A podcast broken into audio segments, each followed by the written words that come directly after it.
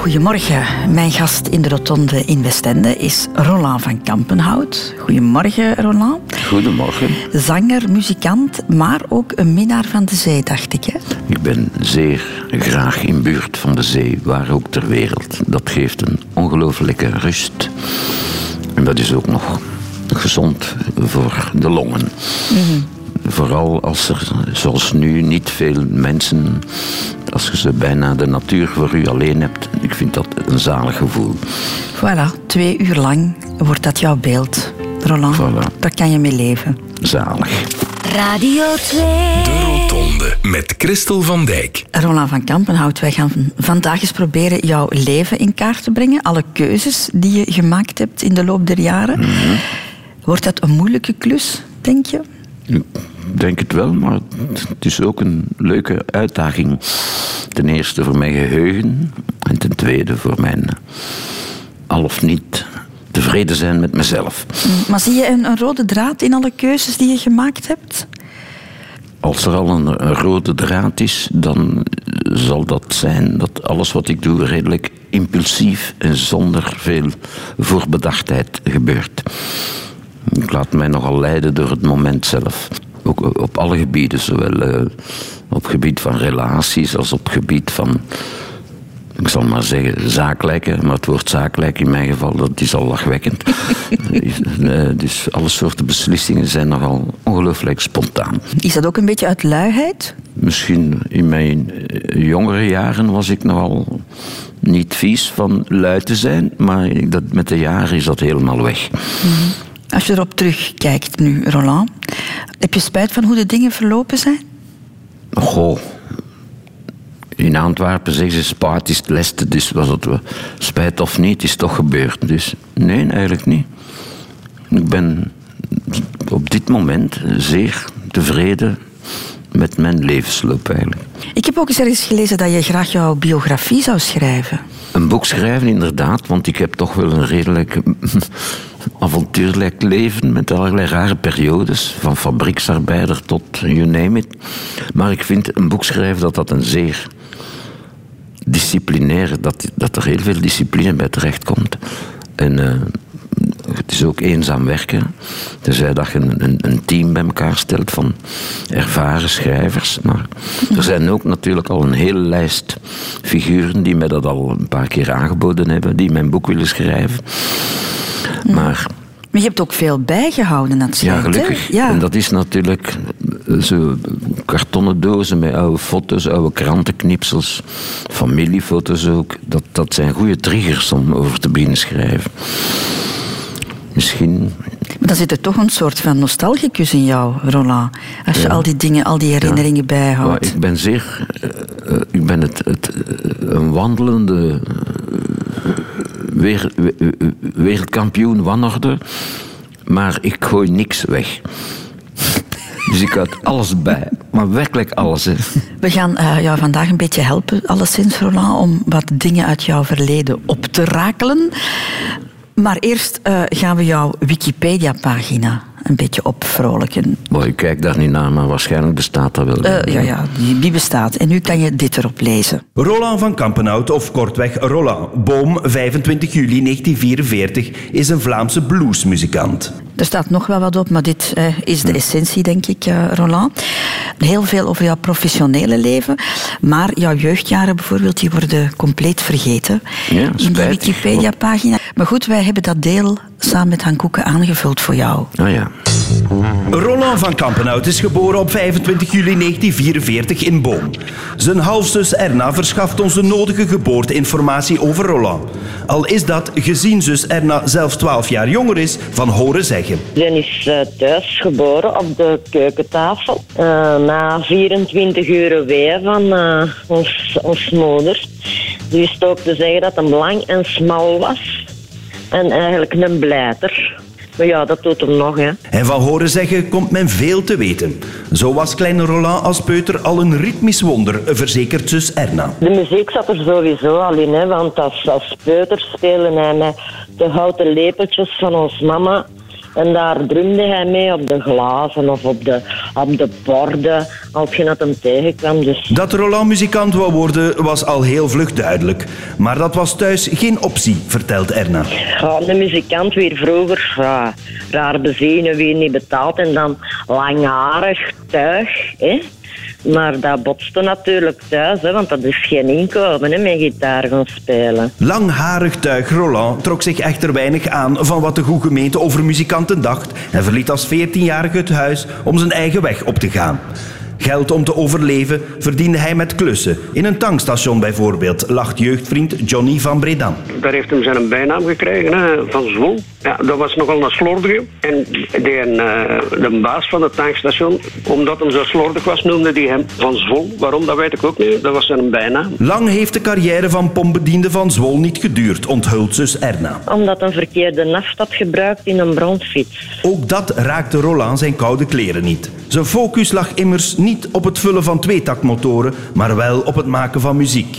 En zoals elke echte muzikant leerde hij de stiel op café, getuigt jeugdvriend Johnny. Hij stond altijd aan de hoek van een zo. En als er iets van muziek op stond dat hem graag hoorde, stond hem heel die tijd mee te trommelen op de toog. Tot grote ergernis van de cafébaas die dan soms zei... Zeg, Van Zwol, stop eens met dat trommelen. Roffelende Roland had de rhythm in zich. Maar hij zou pas zielsverwanten vinden toen hij na zijn legerdienst aanspoelde in Gent. Omdat Roland in de laatste weken van zijn legerdienst deserteerde, moest hij twee maanden doorbrengen in de gevangenis van Gent. Tijdens zijn celstraf mocht hij overdag gaan werken en deed hij klusjes voor ene Walter de Buk. Na die celstraf bloeide Roland helemaal open en de wereld van zus Erna ook. Dan logeerde ik bij Roland. En daar ging de wereld voor mij open natuurlijk. Als tiener van een jaar of 13, 14, zo met optredens mee met Roland, met zijn eh, gitaar dragen en wat show verkopen. En show zou hij verkopen. Als muzikant zwerver trok Roland de wijde wereld in, vrij als een vogel, met zijn gitaar en zijn auto volgetankt met de juiste naf. En de rest is history. Fantastisch. Is dat een stukje jeugd die je nu ziet voorbij Ja, flitsen? en het is ook ongelooflijk van de stem van mijn zus te horen, die ik veel te weinig zie. En mijn eh, schoolvriend Johnny van Bredam, ook een fantastische muzikant eigenlijk. En ik zal nog een- de anekdote van de verkeerde naft. Dat was niet een bromfiets. Dat was een, een madameke met zijn een eh, uniformke aan van het leger des Zeils in de tijd, weet je wel zo. En dat was een Fiatje. Maar je hebt, bij een Fiat heb je een enorm blinkende, uitnodigende knop van achter. En van voor moeten de, de, de deksel op doen. En het een is water en het ander is naft. En ik had mijn naft in, in het water gedaan. En daar komt er zo een steekvlam uit. Drie meter hoog in een zwarte rookwolk. Al de verf van die not. Dat was mijn eerste dag Ja, en als dat pompbediende. twee linkerhanden. De Rotonde. Radio 2. Radio 2. De eerste afslag, Roland van Kampenhout, in het leven, dat is geboren worden op een bepaalde plek. Jij bent geboren in een gezin waar er geen beelden was, hè? Kan je het woord arm gebruiken? Ja, ja. In, in Boom, het dialect van mijn, dat ik van mijn zuster gehoord heb, zeggen ze arm maar proper.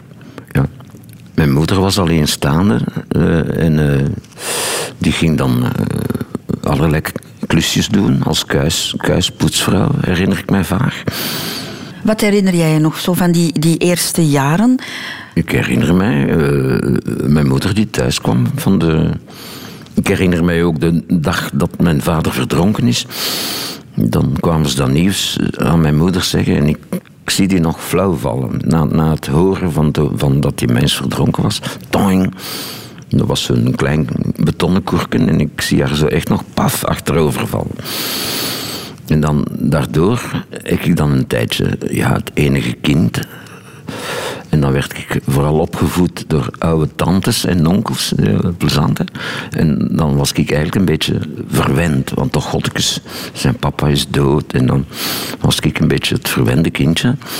En toen dan mijn moeder om een of andere duistere reden hertrouwd is, met iemand die haar van alles beloofd had, wat er ook niet veel van waar was als puntje bij paaltje kwam. Dan ineens werd de situatie omgedraaid en was ik het soort assenpoestertje. Weet je wel, dan mocht ik, ik... Op café was mijn naam het zaad van een ander. Dat zei jouw stiefvader. Ja, dat was... Dus Het iedereen zaad dronk. van een Ja, ander. het zaad van een ander, ja. Dat was mijn naam. dat is niet goed, dat is niet leuk eigenlijk. Dus van het moment dat ik een paar... Ja, ouder, 14 heb ik toch ook niet alleen voor die familiale situatie, maar ook omdat in die tijd was Boom ook niet het. Het was niet eh, New York of het was niet Parijs. Het was, gebeurde daar niet zo heel veel. En dan ja, ben ik dan maar, heb ik maar besloten van, van huis weg te gaan.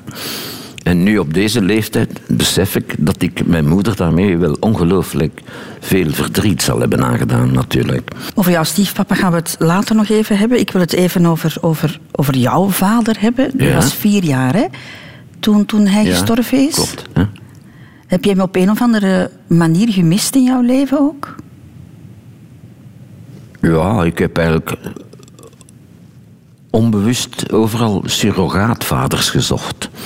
De mensen waar ik me goed bij voelde en dat waren dan mijn, mijn, mijn, ja, mijn, mijn opvang. Zonder dat ze letterlijk voor mij moesten zorgen, maar mentaal waren dat dan zowat mijn surrogaatvaders. Ja. Vooral Daryl Adams. Ja. Dus je bent eigenlijk wel op zoek gegaan naar een andere vader. Zonder dat, hij- dat, dat, ja, zonder dat dat eigenlijk... Het was meer in mijn onderbewuste, denk ik. En mijn zuster die zegt dat ik al van jongs af aan bezig was met allerlei, op alles te kloppen en te doen. Maar mijn vader was natuurlijk ook muzikant. En mijn grootvader was chef van de fanfare in Boom.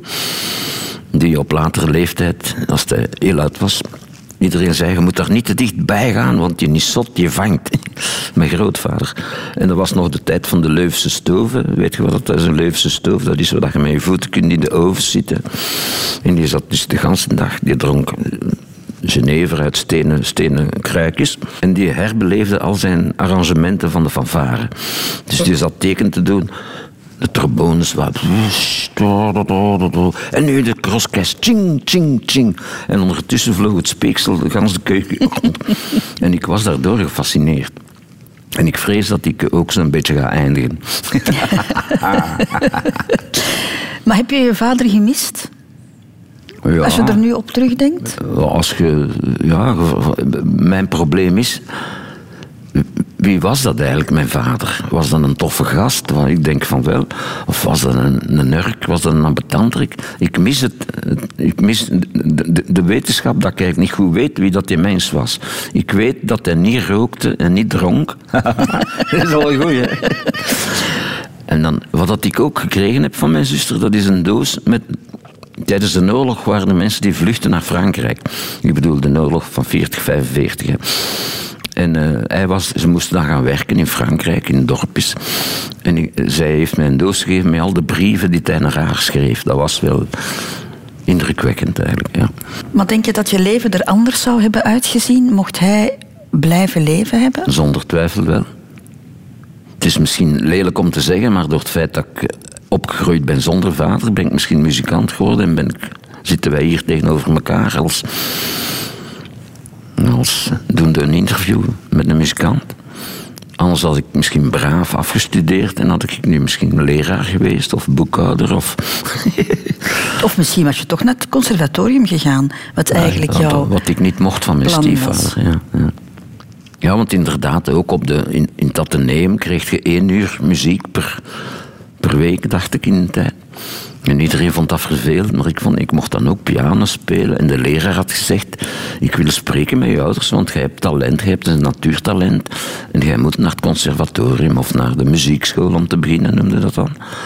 En dan eh, natuurlijk mijn stiefvader, eh, geen kwestie van 14 jaar, moet gaan werken op fabriek.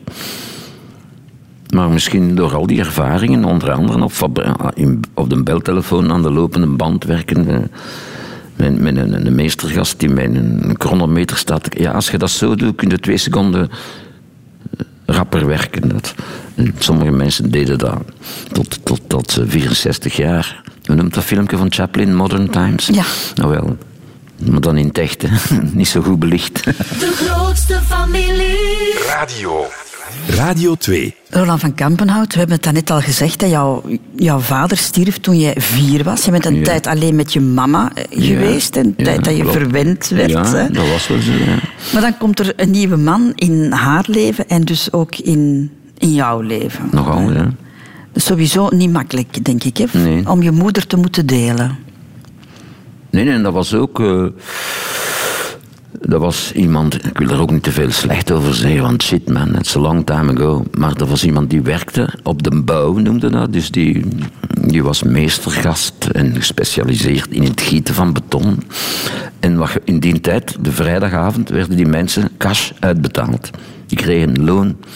En dat betekent dat de, vrijdagavond, die, kwam strontzat naar huis. En die maakte ruzie, want mijn moeder had dan al vier, vijf keer de spaghetti terug opgewarmd. Ik zeg maar iets, niet noodzakelijk spaghetti.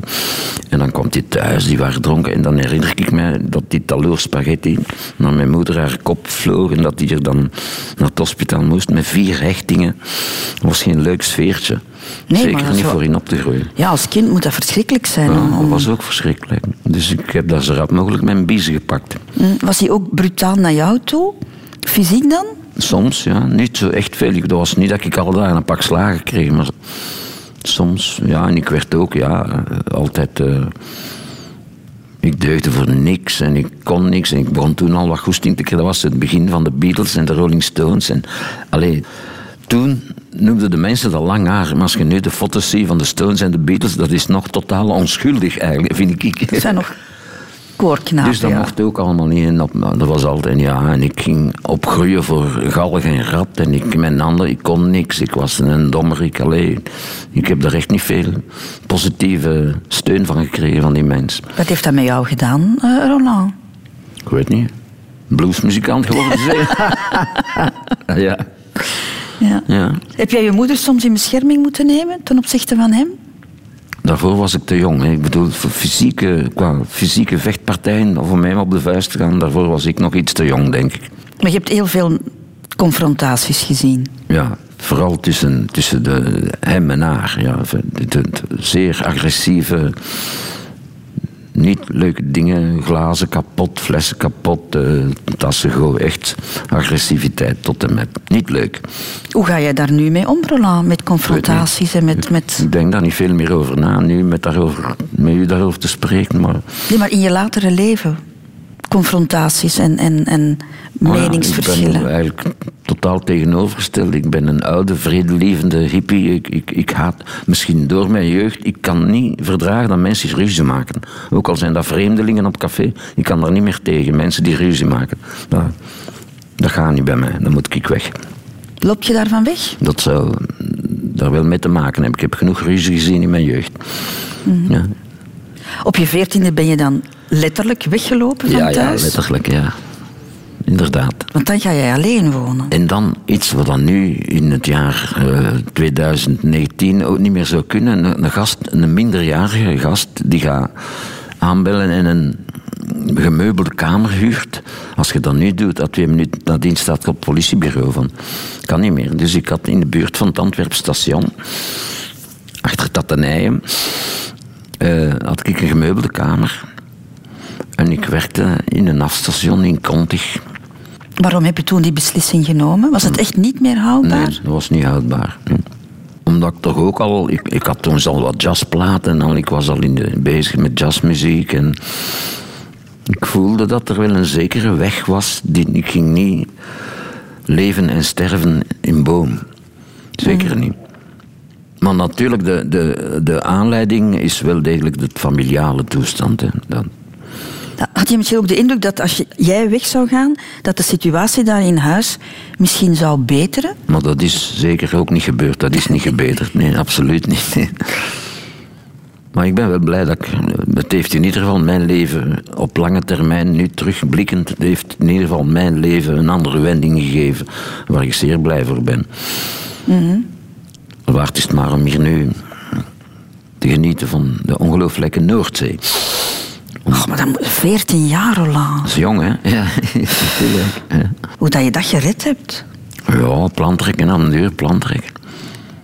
En ik herinner mij ook nog, in, in die tijd was er daar in die buurt, je hebt daar zo'n plein aan, aan de andere kant van het station, waar dat de bussen allemaal stoppen. Victoria Platz. En daar hadden ze een paar hoerenkoten. Maar nog niet echt zoals dat er nu uitziet. En die madammetjes die, die ontfermden zich zo wat over mij. Ik bedoel, in de goede zin van het woord, en mij een keer soep te geven, van een keer boterhammetjes. Want die zagen waarschijnlijk wel zo'n klein baasje die alleen rondloopt. Dus ik kreeg daar soms eten van, van die madammetjes. Dat herinner ik mij nu ook. Ja. Dat was nog tof. Heb je dat gemist, eh, Roland? In Wat, eten krijgen van doen? Nee, hoor. dat heb ik absoluut niet gemist. Nee, nee. Nee, hè. Maar opgroeien in een gezin bedoel ik? Oh, wel, ik kan moeilijk zeggen dat ik dat gemist heb, omdat ik niet weet wat dat is eigenlijk, opgroeien in een gezin. Ik heb dat niet gehad, eigenlijk. Ze zijn mijn, een tijd voor mijn 14 jaar. Ik kan dan wel soms een keer bij mensen op bezoek komen of logeren bij mensen die een entre parenthèses, tussen aanhalingstekens, een gelukkig gezin zijn. Je ziet alleen maar de buitenkant, hè. maar en dan denk ik soms, jee, dat heb ik toch nooit niet gehad. Zo, mama, papa en drie, vier kindjes met een hond en een kat die gezellig voor de open haard zitten. Maar dat zijn zeer zeldzaam dat ik zo dingen denk. Maar Nestwarmte. dat gebeurt toch wel noemen een ze keer. zoiets, hè? Nestwarmte. Zo, van, dat heb ik, dat heb ik nooit niet gehad, maar ik heb dan andere dingen gehad waarschijnlijk. De keuze voor de muziek, Roland van Kampenhout, daar hebben we het ook al even over gehad. Jouw vader was een muzikant na Ja. zijn uren, jouw, jouw Ja, grootvader absoluut. blijkbaar ook. Dus het zat in jouw genen. Ja.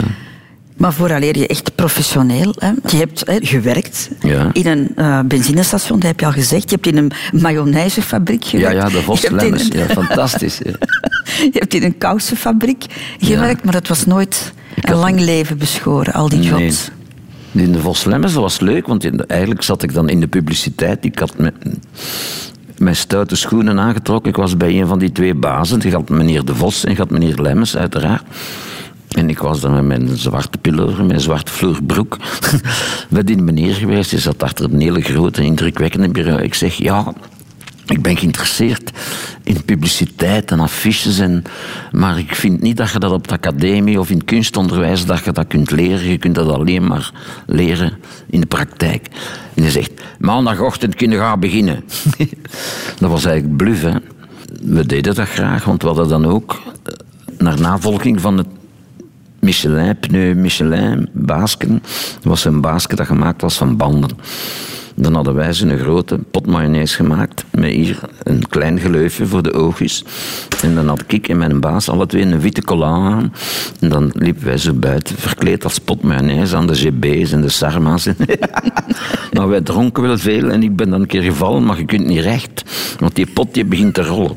Dus dan moet je je voorstellen, zo, eh, een gastje die in een pot mayonaise rondrijdt en ze twee wiebelende in een spannende cola. Ja, maar ja. Maar enfin, al die jobs heb Ja. je maar even gedaan. Hè? Ja, wat, wat, dat, wat duurde, ging, dat duurde nooit meer dan een paar maanden. hè. maar wat ging het dan altijd fout? Omdat, omdat ik ook wel besefte dat dat niet mijn leven was. Wil jij de rest van je leven dan lopen een band, twee vijzen, iets, iets staan te vijzen? Zou jij dat toch vinden? Ah, wel, ik niet. Maar had je het ook niet moeilijk om, om je aan te passen in een bepaalde structuur, denk ik dan, Roland? Ten eerste, het woord structuur past al helemaal niet in mijn leven. En ja, in, in, de fabriek zeiden, ja, zelf, je wordt een deel van de machine. Het waren er ook mensen die daar al jaren werkten, die dan een keer met al, al de rand tussen een punch blijven zitten waren. En ja, allee, dat is een harde wereld ook. Hè. Dat maakt ook een soort van oorlogsslachtoffers eigenlijk, een fabriek. Maar dat was, ik kwam uit het milieu, dat was normaal. Hè. Je moest op een fabriek gaan werken. Hè. Er werd niet aan gedacht van naar een, een humaniora of van, van naar een, een, een, een kunstonderwijs te gaan. Of, nou, dat was niet zo. Hè. Is de muziek jouw redding geweest? Zeker, ja. Ik zeg dat dikwijls, moest ik geen muziek spelen, dat is een ongelooflijke uitlaatklep. Plus dat is ook zeer sociaal, op het podium staan. Mensen zijn gekomen om naar u te luisteren. Dat is een, volgens mij een van de mooiste wisselwerkingen tussen de mensen. Dat is muziek spelen en mensen die s'avonds komen zeggen... Zeg, dank u, het heeft mij deugd gedaan, ik had dat een keer nodig. Dat vind ik, afgezien van of dat je daar nu geld mee verdient of niet... Ik vind dat zeer mooi. En die muziek is voor mij ook enorm louterend. Ik zeg dikwijls tegen mijn vriendjes, moest ik geen muziek spelen, ik had al lang alleen de kop ingeslagen met namer. Maar heb je er alles uitgehaald, Roland?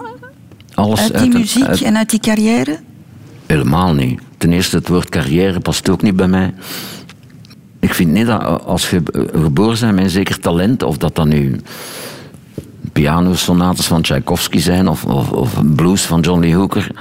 Oké, je moet daar kunnen van leven, maar ik ken heel veel mensen in mijn milieu die echt dollar signs in onder oogjes hebben.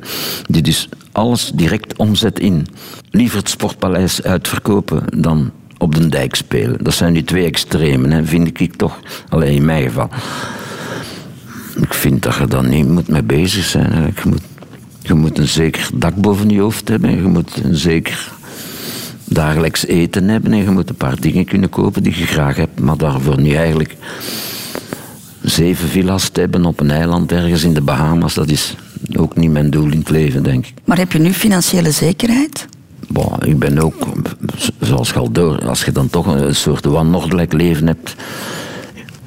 Ik, heb, ik ben ook boekuitkundig niet, maar ik kan wel overleven, uiteraard. Ik denk, ik zie dan mensen eh, die, die echt, eh, zoals in ieder steden meer en meer mensen die komen bedelen, die zelfs komen vragen, heb je geen sigaret? Ik vind niet dat ik veel mag klagen. Het enige dat belangrijk is, is de, de gezondheid. Dat je niet ineens een of andere ja, hartaanval krijgt. Dat je bijvoorbeeld maar mee en hand nog kunt gitaar spelen. In het beste geval. Maar zo, ik ben zo niet echt met vrij financiële dingen bezig eigenlijk. Die oude dag, die dag van morgen, dat denk jij niet aan. Ja, de oude dag. Ja. Ik dacht dat die al lang bezig was, maar de oude dag eigenlijk. ik ben wel soms bang van dat er lichamelijk iets fout kan gaan. Of geestelijk dat een beetje te, nog meer ga gaan dan dat ik nu al ben. Maar, maar ik ben niet bang van financiële dingen, zeker niet. Wat heeft een mens echt nodig om gelukkig te zijn? Er was een van de, niet de eerste, maar een van de derde of de vierde of de vijfde plaat die ik dan kocht. Dat was een plaat van Big Bill Broonzy. En die, die, dat was ook een plaat waarin dat er zo een, een, een of ander blanke journalist vragen stelde. En ook dezelfde vragen over, kun daarvan leven?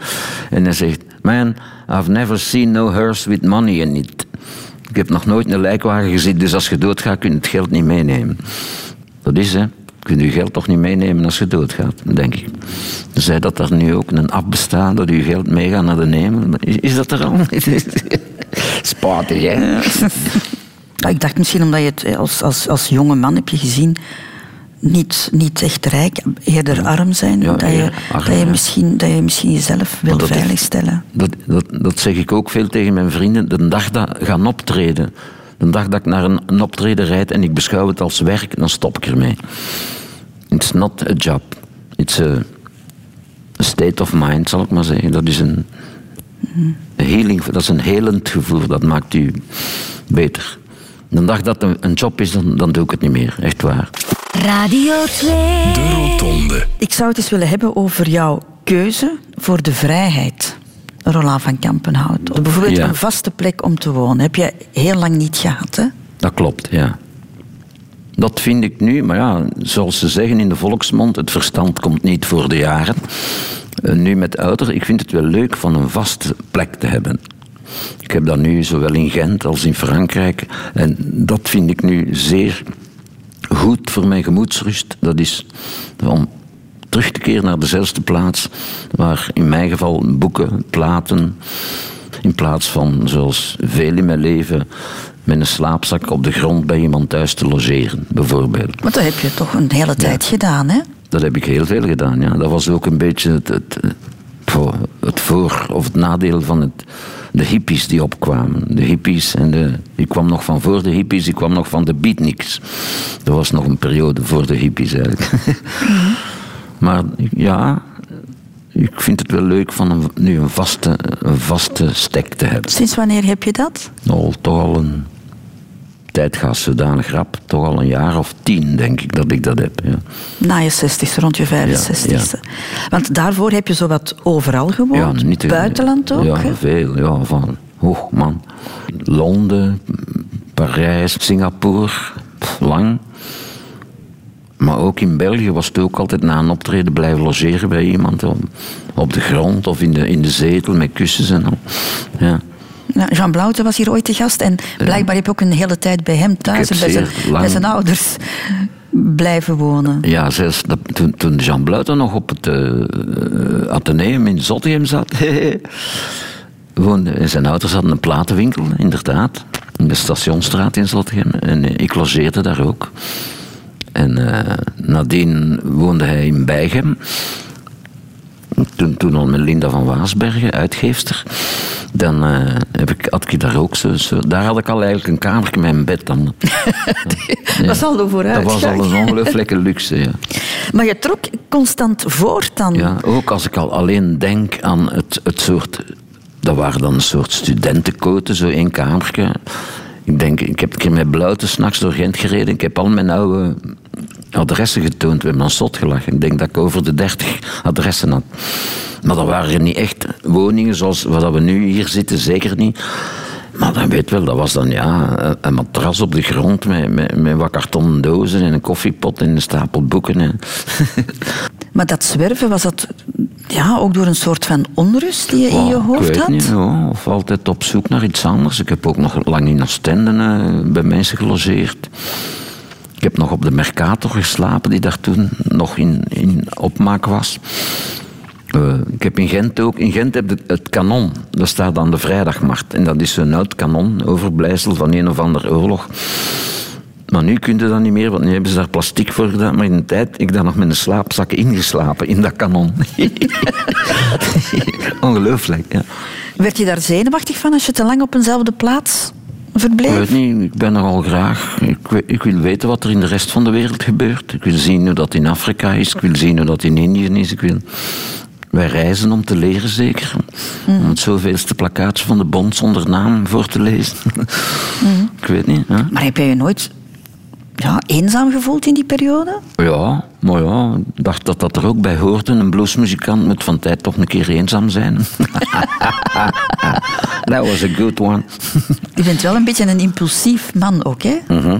Kan ik dat ook zeggen? Dat is, ik ben overimpulsief, ja. Ik ben impulsief maal 300, maar... Of dat dan nu een slepende ziekte is, ik vind van niet, eigenlijk. Ook in het gewoon dagelijks leven. Ik zie iets, ik koop dat. Twee minuten nadien kom ik thuis, dat marcheert niet. Maar om, om een voorbeeld te geven, je zit in het leger en één week, vooraleer jij zou Mhm. Ja. ontslaan worden, Ja. weg zou mogen, deserteer jij. Ja, met twee maanden, twee maanden bak als gevolg. Ja. Ten eerste, dat was dat te maken met dronkenschap. Ja, ik moest nog een week. eh, En dan kon ik afzwaaien. En Dat kan dan- ik nu toch onbezonnen noemen. Ja. Maar dat was veel, dat had te maken... Ik ga dat niet helemaal vertellen, maar ik ga een korte, bondige samenvatting geven van de gebeurtenissen.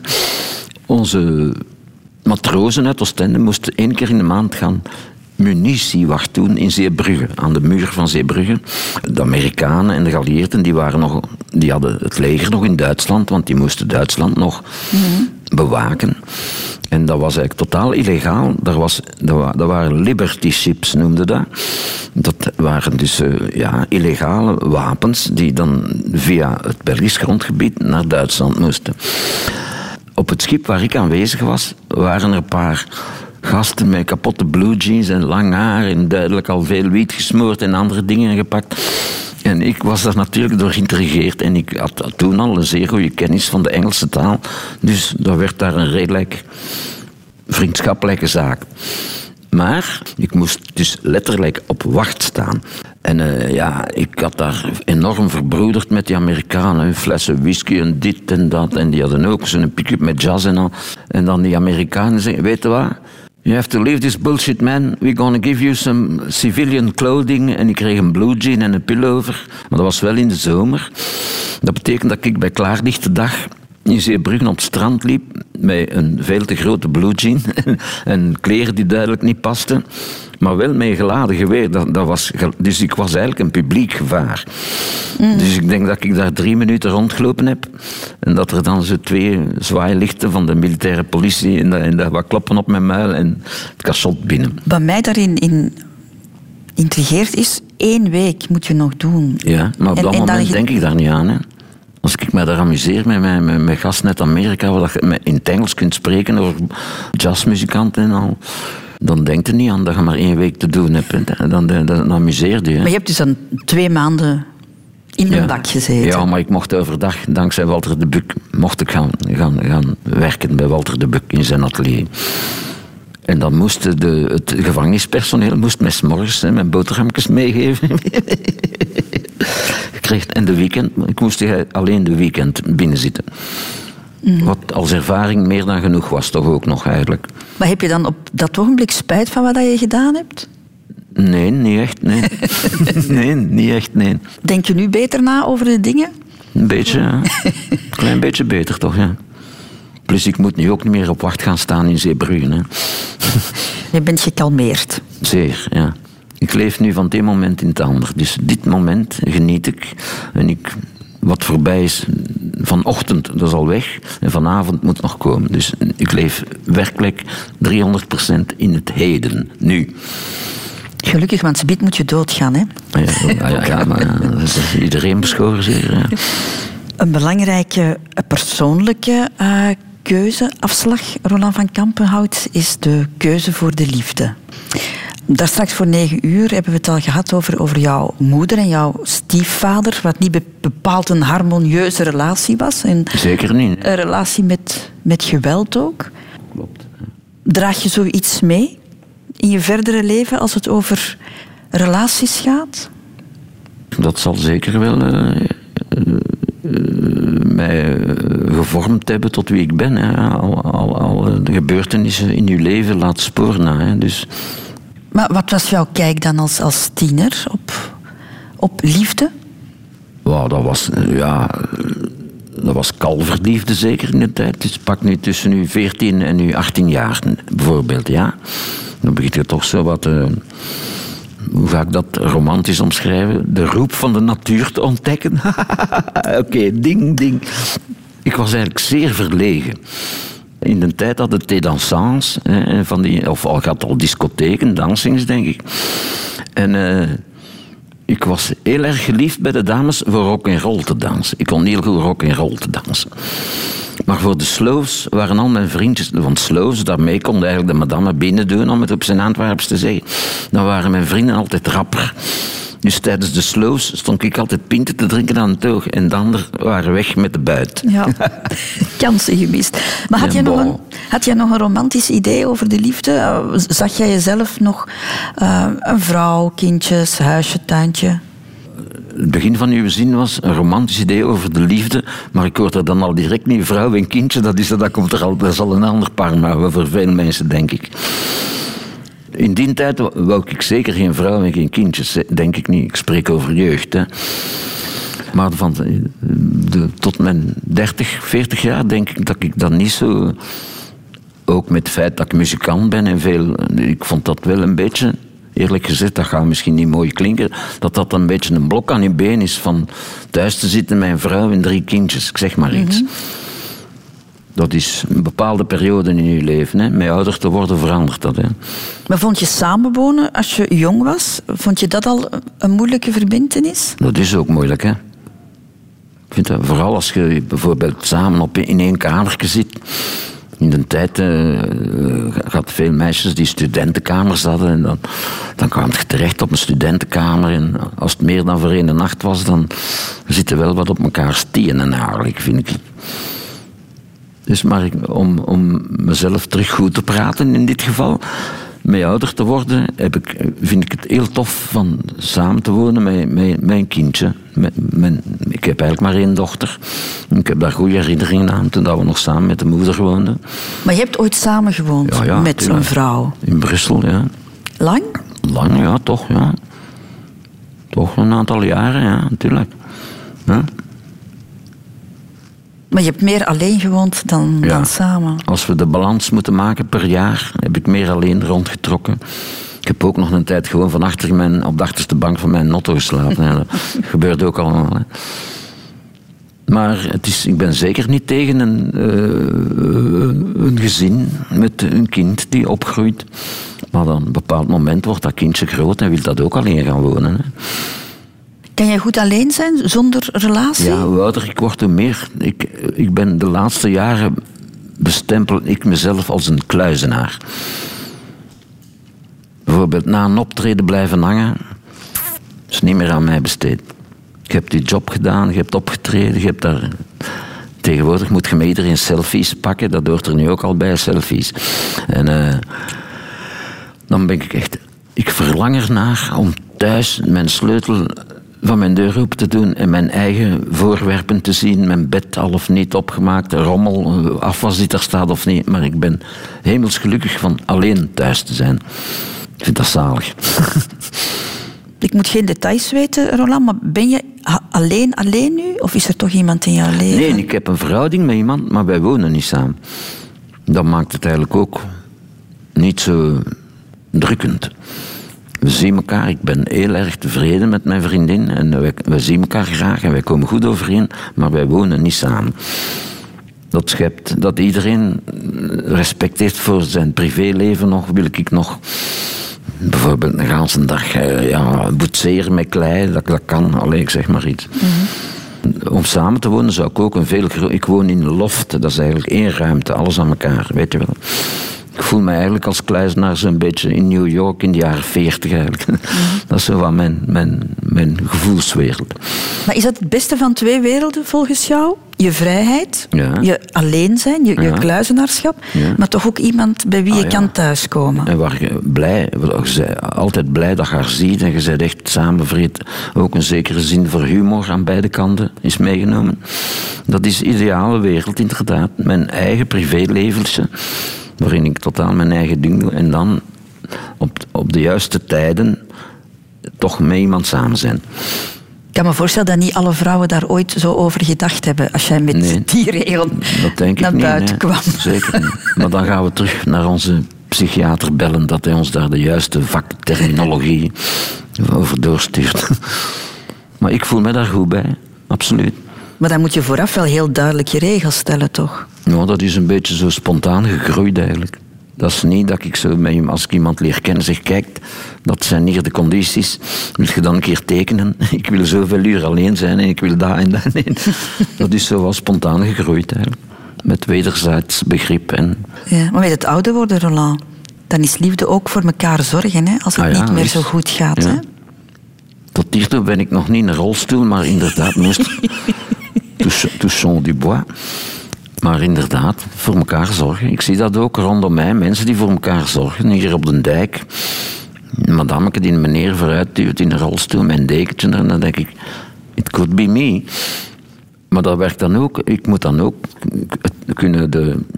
Omgekeerd, dat ik ook voor iemand zou kunnen zorgen. hè. Mhm, dat bedoelde ik dat, dat eigenlijk, Ik, de rolstoel, ik weet dat je dat bedoelt. dat ik de rolstoel duw en, en eh, wassen en plassen. En, Dat is moeilijker. Ik denk dat ik dat wel zou kunnen. Ja, Als, als, als, dat, dat moet je wel iemand echt dood graag zien. Je de mot. We gaan het over een andere keuze hebben, Roland van Kampenhout. Ja. Dat is een keuze voor het vaderschap. Je hebt een, een dochter. Ja. Eva, 33. Ja, Dus jij was in de 40 toen zij geboren werd. zeer juist. Maar dat was eigenlijk zo geen keuze. Dat was zeker niet gepland. Maar dat was ook niet... Als dat daar was, was dat daar. Dat, is niet doelbewust van nu wil ik een kind. Dat was zo gewoon, ineens was dat daar. Maar ineens, dat, dat, komt dat ineens? Ja. Dat was, kijk, eh, hoe? Bij verwachting. Hoe? Ja.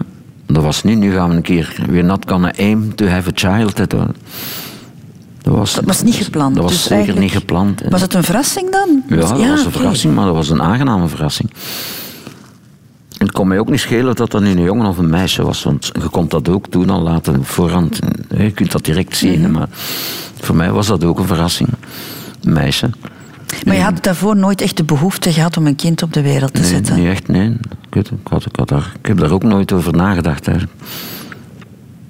En ik ben eigenlijk daar, ik ben zeer blij met mijn dochter. Ik ben, dat, dat is een, een groot stuk van mijn leven die daarmee positief opgevuld is. Alle, ja, dat- er komen ook allerlei technische ro- rompslomp bij te pas. Hè. Dat- Naar welke school moet dat, wat doet dat? Oei. Wat ik ook geleerd heb, eens dat je ouder zij, dat geldt voor mannen en vrouwen, zijt je constant bezorgd. Ik ben altijd ongerust. Want ze- nog niet zo lang geleden had ze voor het eerst een auto. En ik, ah nee, mijn dochter in het verkeer met een auto. Al die camions en al, weet je wel. Het is wel gek om dat uit jouw mond te horen, iemand die zelf zo wild geleefd heeft. Ja, zeer juist. Ja. Maar ja, je ook. Zij is nu 33, maar dat blijft altijd uw kindje. Hè. Dat blijft uw kindje. Dat is raar, vind ik. Was dat meteen? Was dat meteen jouw dochter? Was dat Ja. meteen die, die, die Ja, liefde? Ja? Ja, ja, ja.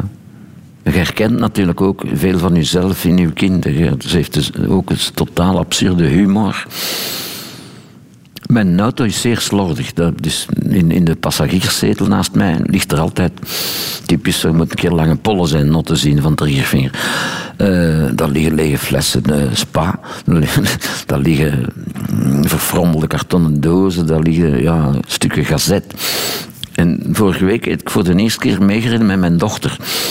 En ik trek die deur op, ik schiet in de lach. Dat ziet er even rommelig uit of mijn not. Ik dacht dat ik in mijn auto stapte. Dat, vond- dat, zijn dan, dat vind ik dan schone details eigenlijk. hè.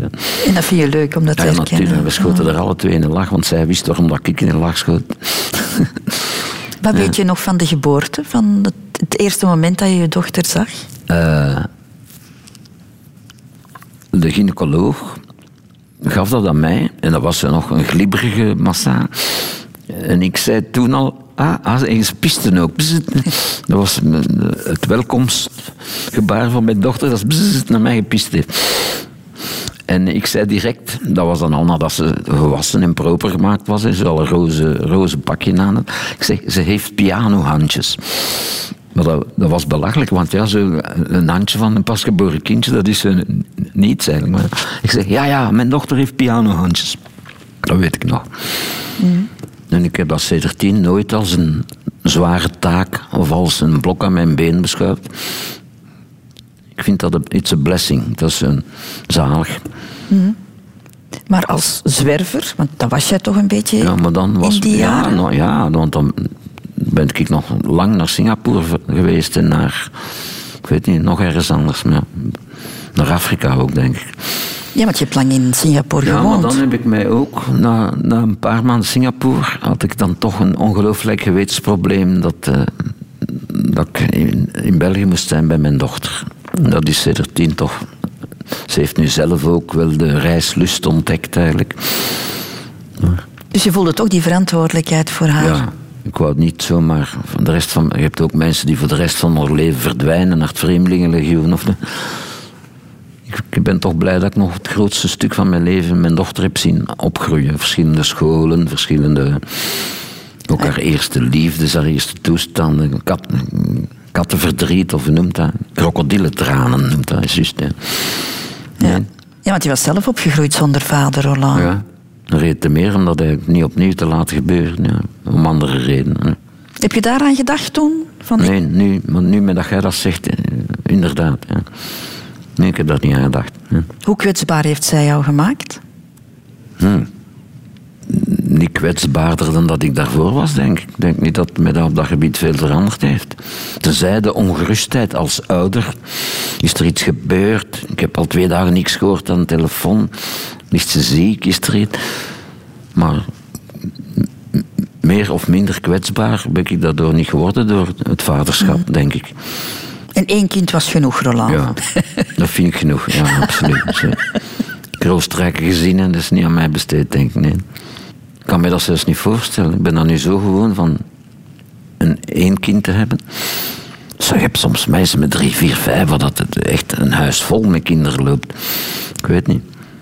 Ik vind dat wel genoeg, één. Doodgaan, Roland van Kampenhout, dat is eh, ook een verplichte uitgang op de Dat een rotonde van het verplichte leven. uitgang, ja. Ja, 75 eh, ben je nu. We kunnen zeggen dat er meer geweest is dan er nog zal komen, zeker. Hè?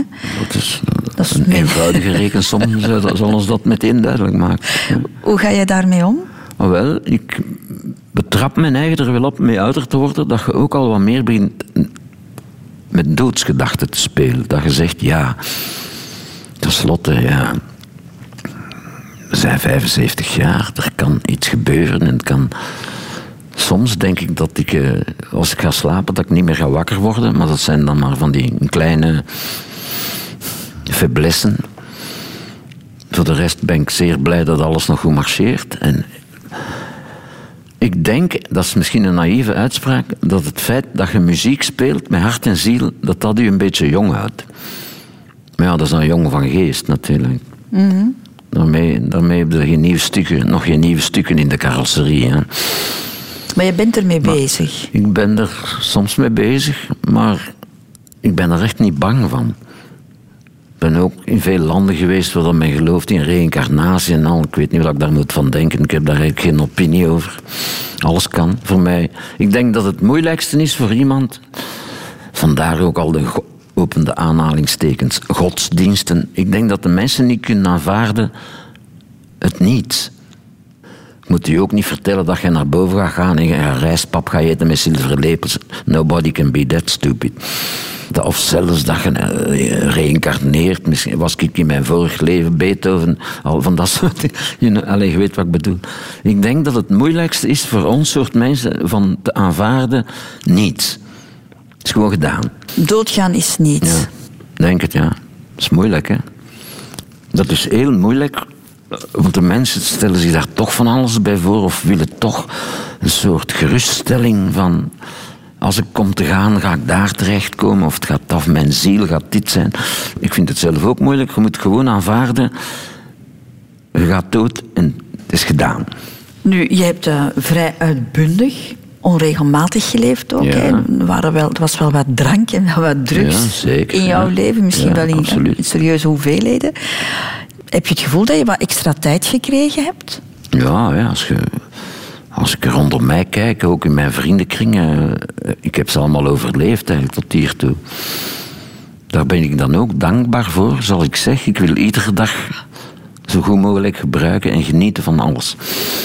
En de dood, ja, we zijn begonnen bij het geboren worden. Dat, de geboorte en de dood, dat hangt eigenlijk ook aan. Dat is een yin en yang, dat hangt aan elkaar. Je kunt daar niet van tussen.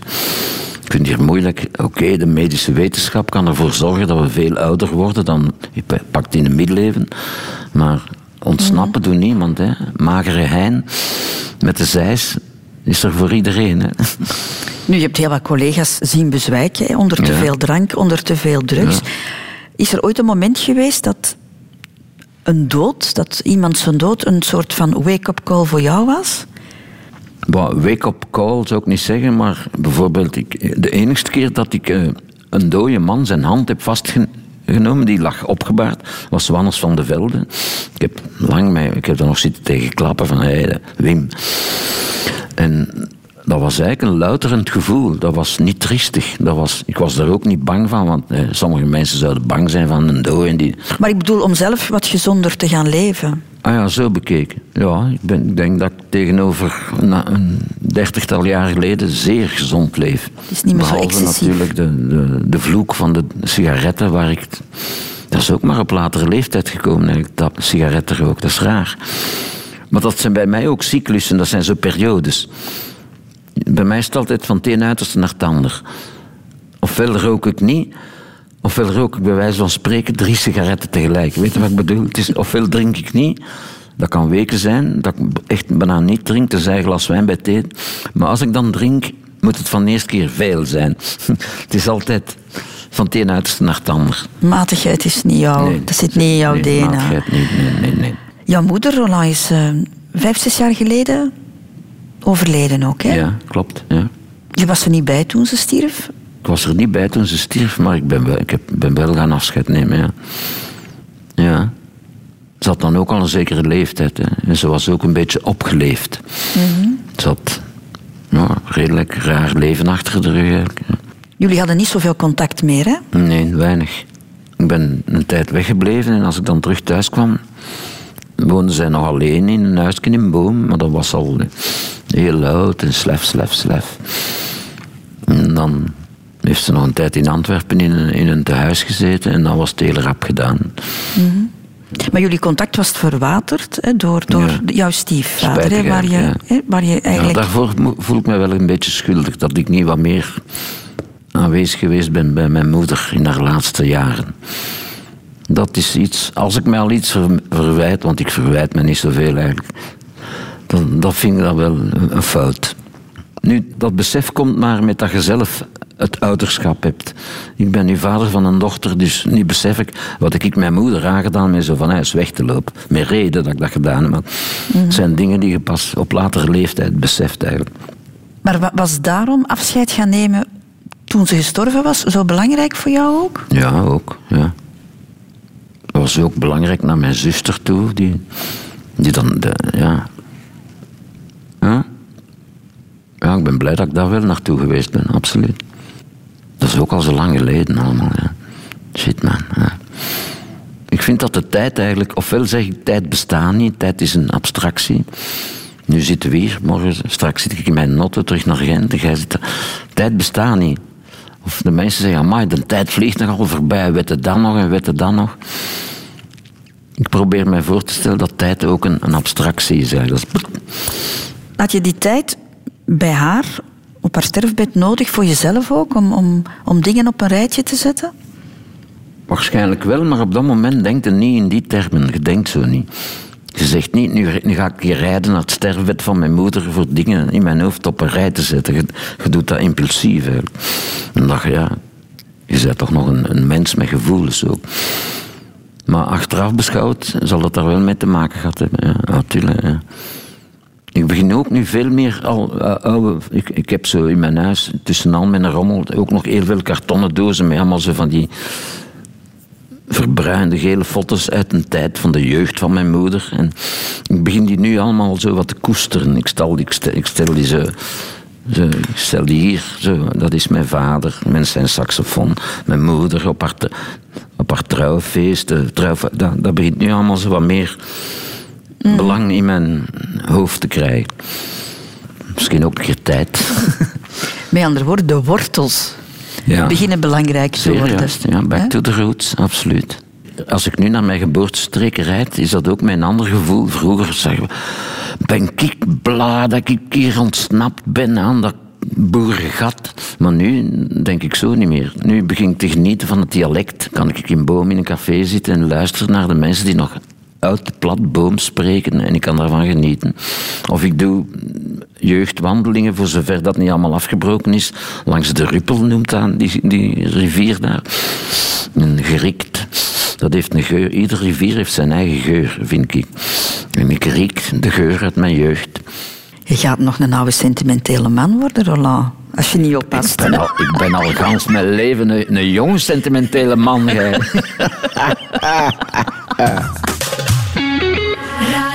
jij. Radio 2. Roland van Kampenhout, ehm, nog even een blik op de toekomst werpen toch ook? Ja. Wat wil jij nog doen? Ah, ik wil vooral nog veel blijven eh, muziek spelen zoals ik al de laatste jaren bezig ben. Maar ik kijk nu enorm uit naar een kleine reeks voorstellingen met eh, mijn oude vriend Jan de Cler. En met Delphine Leconte, die toch ook eh, prettige gedichten uit haar pen schrijft. En dat, dat, dat, zo heb ik altijd iets om naar uit te kijken. Ja, bezig blijven Ja, en genieten van elk Ja. moment. Genieten van elk moment. Zoals dit moment, als ik dat hier op uw, in uw boek iets heb kunnen schrijven, dat was ook genieten van het moment. Zal ik het Ik voorlezen? ben benieuwd. Christel, Eva en Veerle. Drie graties van madammen in een sprookjesachtig paleis, ex-hotel, en dat vlak bij mijn geliefde Noordzee. En dan nog via het interview een spoedreis door mijn eigen levensloop. Van de geboorte naar de dood. Drie puntjes. Zeer leerzame en zeer mooie momenten alweer hier. En dan nog Veerle met haar vegetarischen SCH schotel. Met gelouterd hart op naar de rest van het leven. Dankjewel en veel groeten en heel veel respect van Kampenhout, Roland.